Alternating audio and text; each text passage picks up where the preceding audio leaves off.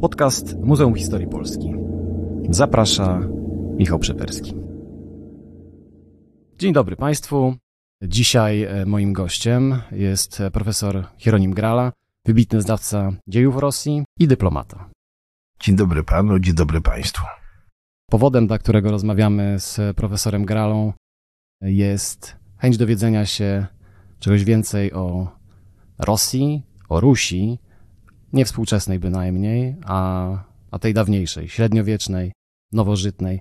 Tragiczny jest kontekst, w którym rozmawiamy. Rozmawiamy w dziewiątym dniu e, agresji rosyjskiej na Ukrainę, ale nie o tym dziś mówimy, przy czym uważam, że jest uczciwością wobec naszych e, słuchaczy e, powiedzieć, w jakim kontekście rozmawiamy.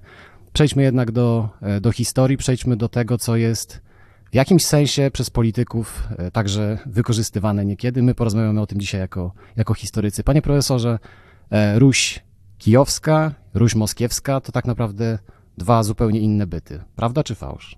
Obawiam się, że jest to zbyt daleko idące stwierdzenie. Jednak nie możemy abstrahować od oczywistego faktu, że kiedy w najstarszej ukraińskiej rosyjskiej i białoruskiej, czyli ruskiej kronice powieści lat minionych Nestora. Pada fraza skąd poszła ziemia ruska, to nie dotyczy to ani Moskwy, ani Kijowa, tylko Nowogrodu. Ten Nowogród nad jeziorem Ilmeń, ofiara przecież wielokrotnie moskiewskiej opresji i najazdów, ale jednak leżący w Rosji, też jest Rusią i tak naprawdę to Stamtąd przecież owi przybysze za morza, owi waregowie, zaproszeni, przez lud zaproszeni, jak pisał Słowacki, pójdą ku Kijowowi, pójdą wzdłuż Dniepru i będą budować to fenomenalne i wielkie państwo. Zatem to nie jest tak, że tylko Kijów i tylko Ukraina ma prawo do pojęcia Ruś. Bo w tej narracji nie mieści się przecież, a jest to, dotyczy to czasów grubo przedmoskiewskich, nie mieści się także narracja białoruska. Trzy najstarsze, wzorowane na świętej Zofii, na Hai Zofii Konstantynopola, wezwaniem i kształtem, katedry ruskie, to Sofia Kijowska, Sofia Nowogrodzka i Sofia Połocka. Oczywiście nie ma Sofii Moskiewskiej, być nie może. Moskwa wykluje się w stosunku do pojawienia Ruryka 300 lat później. No właśnie, to może gdy mówimy o tak wielu różnych, nie, pewnie nie wszystkie e, te wydarzenia, o których pan profesor wspomniał, są, mogą być dla naszych słuchaczy czytelne, zrzutujmy to jakoś na, na chronologię. Początek państwa ruskiego to. No, teoretycznie 862 rok. Konunga skandynawskiego, o którego skandynawską proweniencję trwają spory, skąd przybył i tak dalej, i tak dalej. Kijów tak naprawdę staje się e, sercem, rdzeniem państwowości ruskiej, jednak dobre kilkadziesiąt lat później. To jednak jest ten pochód wieszczego Olega wzdłuż Dniepru, i zamordowanie przecież w Kijowie już tam siedzących innych waregów, czyli Askolda i Dira, w imię jednoczenia państwa. A potem Igor, potem Olga, też przecież w sensie etnicznym w dużym stopniu Skandynawowie e, i rozprawa z przodkami bez wątpienia dzisiejszych Ukraińców, czyli drewlanami z Korostienia, teraz szturmowanego przecież skądinąd Korostenia, i tak dalej, i tak dalej. Także jak widzi pan, jest to sprawa nieprosta. Natomiast jedno jest pewne. Ukraina ma prawo niezbywalne do wielkiego dziedzictwa Rusi, politycznego i cywilizacyjnego. Ma wyjątkowo potężne prawo, bo stolicą Ukrainy jest to miasto, ten gród, który przez tysiąc lat wszystkie etnosy wschodniosłowiańskie nazywały macierzą grodów ruskich. I na to macierz spadają dzisiaj bomby. I to tylko zwiększa prawo Ukrainy do tego miasta i do tej tradycji. Po drugie, pojawienie się Moskwy. Moskwa jest tutaj pewną personifikacją Rusi Zaleskiej, Rusi północno-wschodniej. My używamy tego hasłowo, jakby rzutując pojęcie z XV-XVI wieku wstecz, a wstecz to przecież nie Moskwa, która była drobnym, małym dworem książęcym, taką rezydencją gdzieś tam zamiejską, ale to Włodzimierz, to Suzdal, to Rostów. No to przecież rywalizacja tego ośrodka z Kijowem to znowu jest głęboko przedmoskiewska. Mało kto pamięta, że pierwsza wielka, wielka katastrofa Kijowa, jaka miała miejsce, która w dużym stopniu osłabiła jego znaczenie jako ośrodka i politycznego, kulturalnego, to jest najazd księcia Włodzimierskiego, Andrzeja Bogolubskiego i zniszczenie Kijowa, wpuszczenie w mury niepokornego miasta hord swoich stepowych sprzymierzeńców połocków, połowców. To takie sakko di Kijów. To, jak pisał kronikarz, cerkwie płonęły jako świece. I tych z północno-wschodniej Rusi najazdów to jeszcze parę będzie. Przecież ten wielki, straszny, już w czasach jagiellońskich, najazd Mengligireja na Kijów, najazd tatarski, który naprawdę spustoszył Kijów tak, że zaczął się on odbudowywać dopiero 150 lat później, właśnie za Piotra Mochyły, metropolity kijowskiego, czyli w pierwszej połowie XVII wieku. Ten najazd, gdzie elity, przedstawiciele elit litewsko-ruskich, Chodkiewicze, poszli w pęta krymskie, był sprokurowany przecież przez Moskwę, która spuściła czambuły sprzymierzonych Tatarów, tak jak dzisiaj Kadyrowców, na ruski ośrodek. A jednocześnie ten Kijów zajmował potężne miejsce w wyobraźni politycznej i w ideologii wtedy już moskiewskiego państwa. To ten Kijów budził pożądanie władców Kremla jeszcze przed koronacją Iwana Groźnego carską, kiedy na przykład Wasyl III, jego ojciec, myślał o pochodzie na Kijów, żeby tam się koronować imperatorem. Dlaczego? Bo właśnie macierz grodów ruskich miała dawać tą sakralną otoczkę godności zjednoczyciela, władcy ziem ruskich. Więc ja rozumiem, że e, jest pewna ambiwalencja, jeżeli tak mogę powiedzieć, w relacji e, moskiewsko-kijowskiej. Że z jednej strony władcy Moskwy, późniejsi carowie Wszechrosji, e, patrzą na Kijów jako na miasto, tak jak pan powiedział, jako na macierz grodów ruskich, jako na miasto tradycyjnie niezwykle istotne, ale ciężar polityczny, ciężar władzy politycznej chcieliby jednak utrzymać w Moskwie, jako w swojej własnej stolicy. Mim, oczywiście ma pan rację, mimo że chyba były takie momenty, kiedy się poważnie zastanawiano w Moskwie nad tym, czy ten Kijów nie byłby nawet godniejszym centrum państwa niż Moskwa. Właśnie gdyby nastąpiła koronacja Wasyla w zajętym przez niego Kijowie, to kto wie. Proszę pamiętać, że ta narracja, ta doktryna imperialna państwa moskiewskiego, to trochę wygląda tak, jakbyśmy chcieli mieć sukcesję Kijowa, tradycję Kijowa, ale bez Rusinów, bez Ukraińców. Puste pojęcie, bez tej ludności. Dlaczego? No bo jeżeli ktoś w państwie polsko-litewskim, a potem Rzeczypospolitej, nie chciał owego rozciągnięcia tego Pax Moscovitica nad Dniepr i na Ruś, to w pierwszej kolejności elity ruskie. My znowu zapominamy o tym, że mieczem i tarczą Rzeczypospolitej przez dłuższy czas była Ruś. Ja wczoraj e, występując w takim sporze, czy zabronić języka, czy ograniczyć język rosyjski i tak dalej, zwróciłem uwagę na absurdalność tej argumentacji. Bo na przykład mamy świetnie potwierdzone źródłowo, że jak nad Orszą, gromiąc armię moskiewską, ruski wielmoże i kniaź Konstantyn Ostrogski rzucał swoje pułki do boju, to komendy wydawał po rusku. I tu się wiele nie zmieniło, bo my zapominamy o tym, że spora część obrońców Kijowa i większość obrońców Charkowa jest rosyjskojęzyczna a być może, i co skutki wielu set lat kolonizacji rosyjskiej, etnicznie rosyjska, ale duchowo ukraińska.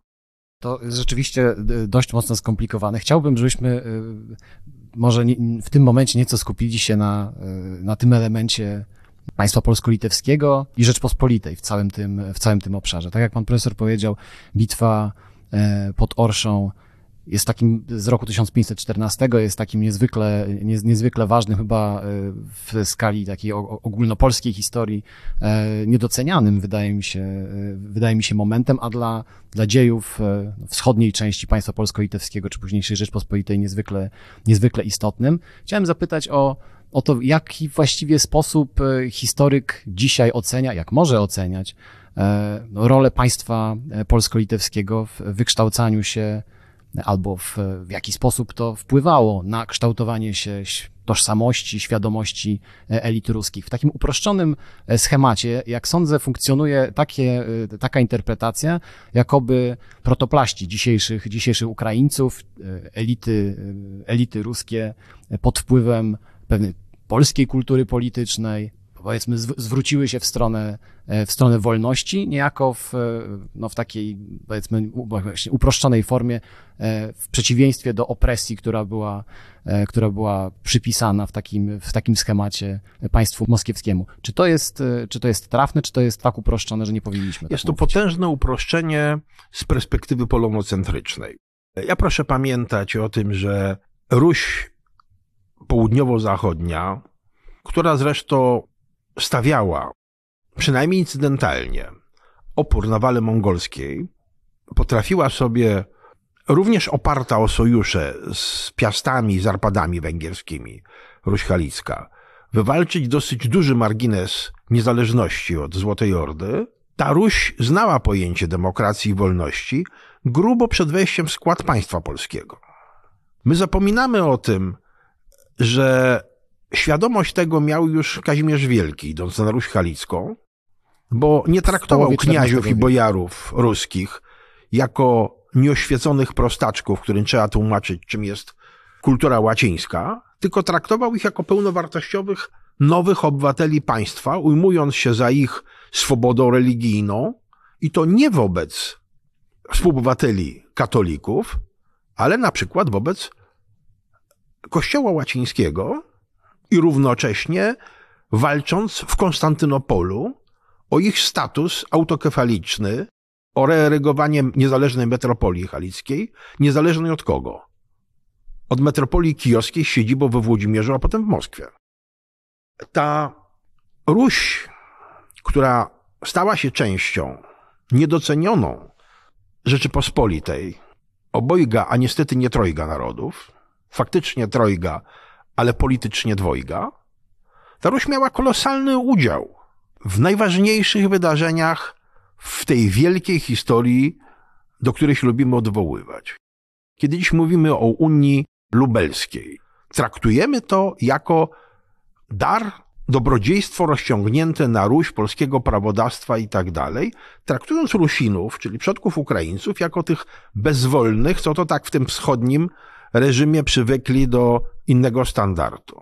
I nikt już nie pamięta, że na tym Sejmie Lubelskim to elity ruskie wymusiły wręcz rozszerzenie aktu Unii na Kijowszczyznę wbrew oporowi polskich senatorów. A świadomość, co im da mariaż z koroną, najlepiej wyraził kniaź Konstanty Wasyl Ostrogski, syn tego zwycięzcy z Podorszy, który po śmierci ostatniego Agielona, Agielonowie byli zwornikiem jakby historycznej perspektywy wszystkich tych trzech nacji, powiedział na zachęty Litwinów, żeby rozerwać teraz Unię i wrócić do Litwy, powiedział rzecz to niemożebna, żebyśmy znowu wrócili w litewskie jarzmo. Ale przy tym wszystkim oni mieli pełną świadomość dojrzałości swojej kultury politycznej. Bez żadnych wstrząsów przeszli na urzędowanie sejmików, przyjęli prawo polskie, bo ja bardzo przepraszam, ale staroruska rzeczywistość polityczna znała pojęcie wiecu na przykład. To była demokracja wiecowa to i ówdzie, nie tylko w Nowogrodzie. Ruś Halicka była tak naprawdę państwem nie wschodnio, a środkowo-wschodnioeuropejskim. czego najlepszym dowodem jest łacińska koronacja Daniela Romanowicza, łacińskie pieczęcie jego sukcesorów, sfragistyka łacińska, język łaciński w kancelarii Obokurskiego i tak dalej, i tak dalej. To był nasz sąsiad zasysający kulturę łacińską, przepraszam, ale nie tylko od nas. I też niemało nam dający. A przy tym, o czym się czasem zapomina, bardzo mocno także związany z tym najważniejszym dla wschodu i dla prawosławia źródłem, jakim było Bizancjum. Pan, ja myślę, że największą mądrość polityczną potrafił kiedyś wykazać niespecjalnie przeze mnie lubiany monarcha z racji swego sybaratyzmu i grzechu zaniechania Zygmunt August. Kiedy w sporze ze swoim antagonistą z Moskwy użył argumentu, chodziło o tytuł władcy gospodar wsiej Rusi, którego on odmawiał Moskwicinowi, użył argumentu, że władcą Rusi jest ten, kto dzierży Kijów, bo to jest Ruś. A Kijów dzierżę ja. I myślę, że ta wypowiedź znakomicie nas prowadza w klimat tego sporu toczonego już wtedy i nie tylko przez nas z Krakowa, koroniarzy i Polaków i katolików, z prawosławnymi Rosjanami z Moskwy. To jest ten spór, który znajduje swój, swoje odbicie w tym prostym fakcie, że mieszkańcy Rusi, należący do, państw, do poddanych państwa polsko-litewskiego, mówią o sobie my Ruś, a o tamtych mówią Moskwa. I jakich łamańców by nie wykonywała polityka historyczna Rosji od czasów Karamzina do czasów Miedyńskiego, to przypominam, że w owych czasach, które podobno były czasem zjednoczenia religijnego i etnicznego, dla dokumentów z kancelarii kozackiej ukraińskiej w Moskwie potrzebne było tłumaczenie z ruskiego na rosyjski, że o księgach liturgicznych także i teologicznych, ale nie tylko, literaturze, w języku ruskim Rzeczypospolitej. Pisano księgi białoruskiego albo małoruskiego języka i pisma, a rzekomo wyzwalanym z jezuickiej i unickiej opresji prawosławnym zbiegom ordynowano rebaptyzację, nowy chrzest, bo ich chrzest prawosławny na Ukrainie się w Moskwie nie liczył. Panie profesorze, to w takim wypadku, gdy y, z tego, co pan mówi, wynika nam y, taki obraz ziem, które są dzisiejszą Ukrainą, czy Ukrainy XVI-XVII wiecznej, czy Rusi, Rusi kijowskiej, jako takiej przestrzeni, która jest czymś samym w sobie, to zważywszy na to, y, co powiedział pan o demokracji, o tradycjach wolnościowych, o również tradycjach łacińskich na, tym, na tej przestrzeni, no, korci, żeby zadać pytanie, które wielokrotnie jest e, nie tylko w polskiej historiografii, ale, ale myślę, że w polskim myśleniu o historii e, jest, jest zadawane, to dlaczego, jeżeli było tyle podobieństw pomiędzy nie wiem, koroniarzami a, a, a Rusinami w przestrzeni już tylko powiedzieć kultury politycznej, dlaczego e, Rzeczpospolita Trojga Narodów nigdy się nie zmaterializowała? Wie pan, na to już kiedyś odpowiedział stary Julian Ursyn Niemcewicz w najważniejszej do czasów Sienkiewicza lekturze polskich patriotów, swoich śpiewach historycznych. Nasze to błędy i ucisk niezmierny wzburzyły naród kozaków waleczny. Nasi przodkowie jeszcze niedawno mieli tego świadomość. Pamięta pan z ogniem i mieczem frazę starego Zaćwilichowskiego, Rusina i prawosławnego, patrioty Rzeczypospolitej i Polski, który mówi do młodego Skrzetuskiego, cóż za czasy przyszły. A mówi to, kiedy podnosi się fala powstania Chmielnickiego. Jeszcze nie rzezie, ale już niebawem. A ja pamiętam, mówi staruszek, jak pod Chocimiem husaria pod panem Lubomirskim szła na Janczara, to kozacy skakali na wozy i krzyczeli do Sachajdacznego puskaj batku, zlachamy umyraty. To są nasze winy. Tu się nie ma co bić w cudze piersi, opowiadać o moskiewskiej intrydze, która oczywiście była. Ale czy moskiewska intryga przeważyłaby otwartość polskiego społeczeństwa i polskiego państwa na to ogromnie liczną, ale odmienną etnicznie i wyznaniowo mniejszość? Nie przeważyłaby. Czuł to wybitny znawca Ukrainy, architekt ugody chadziackiej, tego nieudanego eksperymentu, zredukowania wzajemnych krzywd i ponownego przyjęcia Ukrainy do Rzeczypospolitej. Z roku Stanisław Bieniewski, 1658. no właśnie, który, który tłumaczył Ukraińcom i oni to dobrze przyjęli, że chociaż Rzeczypospolita mogła się wydawać im złą matką, ale była matką prawdziwą, a nie szachrującą macochą. Ta mowa Bieniewskiego w Chadziaczu powinna być jako testament polityczny Rzeczypospolitej wzorem dla kolejnych pokoleń polskich polityków.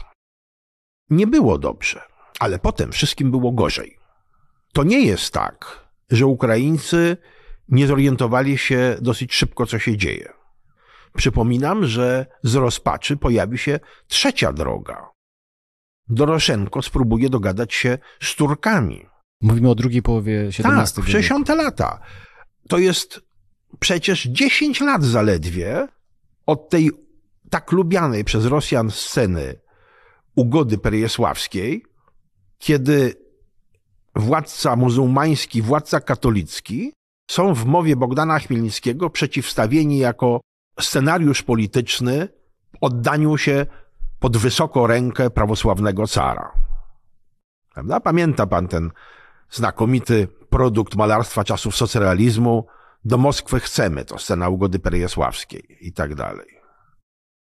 Minęło dziesięć, kilkanaście lat, a w przypadku Chadziacza, przepraszam, pięć lat i ci sami pułkownicy, ba, nie tylko kozacy, ale nawet czerń w Chadziaczu, wrzeszczą, że chcą do Rzeczypospolitej.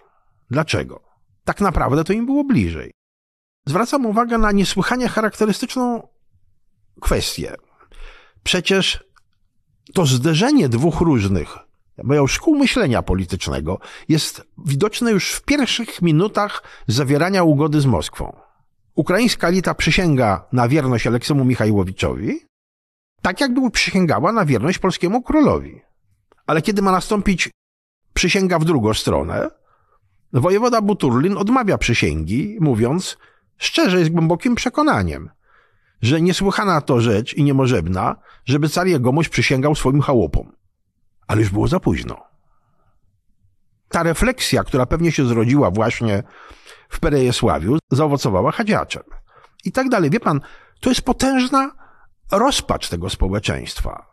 Świetny historyk Ukrainy, rosyjska uczona z Petersburga, zaangażowana w obronę Ukrainy właśnie w tej chwili pewnie odczuwająca w tej chwili na sobie uderzenia instytucji rządowych rosyjskich. Tania Tajerowa napisała dwutomowe dzieło związane z tym okresem, jak to Ukraińcy nazywają, ruiny. Ten okres od powstania Chmielnickiego aż do praktycznie lat 70. XVII wieku. ten ćwierć wieku, to w pamięci historycznej i w tradycji historiograficznej ukraińskiej to jest okres ruiny. Ona płonęła wtedy tak jak teraz. Bez przerwy najazdy, rzezie, wyrywanie sobie wzajemne, bratobójcze wojny, także to wszystko już było. Niestety, jako człowiek, który jest obywatelem XVII wieku i w jakimś sensie obywatelem Rusi od 40 lat z górą, odczuwam bardzo smutne i poruszające déjà vu.